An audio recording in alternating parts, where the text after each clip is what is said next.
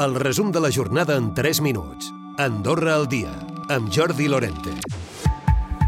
És molt complicat treballar així, perquè la gent està nerviosa, eh, marxa cap a casa, eh, estan nerviosos a casa, realment no, no ens deixen viure. És impossible.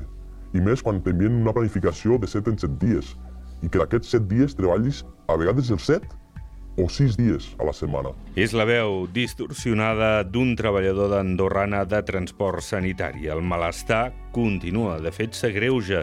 S'han sumat més denúncies d'inspecció de treball i més empleats es plantegen marxar. En ple procés de mediació defensen que respectin les condicions laborals que tenien abans. Fem tard per trobar solucions al problema de l'habitatge que ja es veia venir fa anys. Ho ha destacat el president de l'empresa familiar en el cicle de l'associació, Daniel Armengol. Arribem tard perquè es veia vindre el problema de l'habitatge, no? des de la llei d'inversió estrangera, des del 2019, doncs eh, s'ha tardat en actuar. Les empreses necessiten de, tant del tant els seus proveïdors com els seus clients, com el seu personal propi, necessiten d'habitatge digne i assequible per poder per, per trobar-se i poder seguir treballant en el context andorrà. L'Estat es va gastar prop de 4 milions d'euros en l'administració de la presó el 2021. La despesa mitjana per intern va ser de 191 euros diaris. Són dades que apareixen en un informe del Consell d'Europa que també constata que la majoria dels presos són estrangers, sobretot de països de la Unió Europea.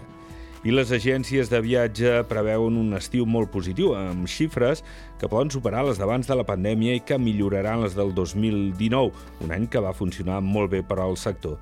En definitiva, hi ha ganes de viatjar ja sense cap restricció sanitària. La vocal i portaveu de l'Associació d'Agències de Viatges, la Maica Terrones, en parla.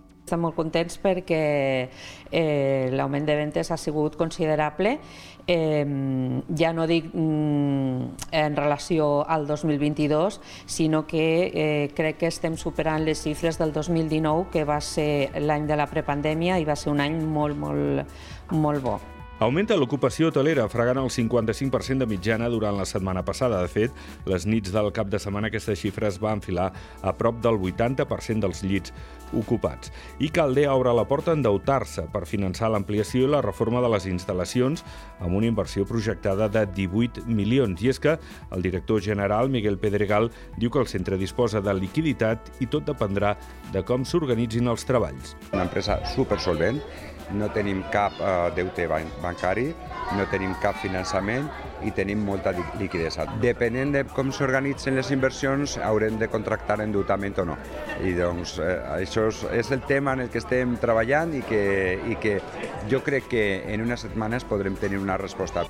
Andorra destina el 0,7% del PIB a recerca i innovació, molt lluny de la mitjana europea que se situa en el 2,7.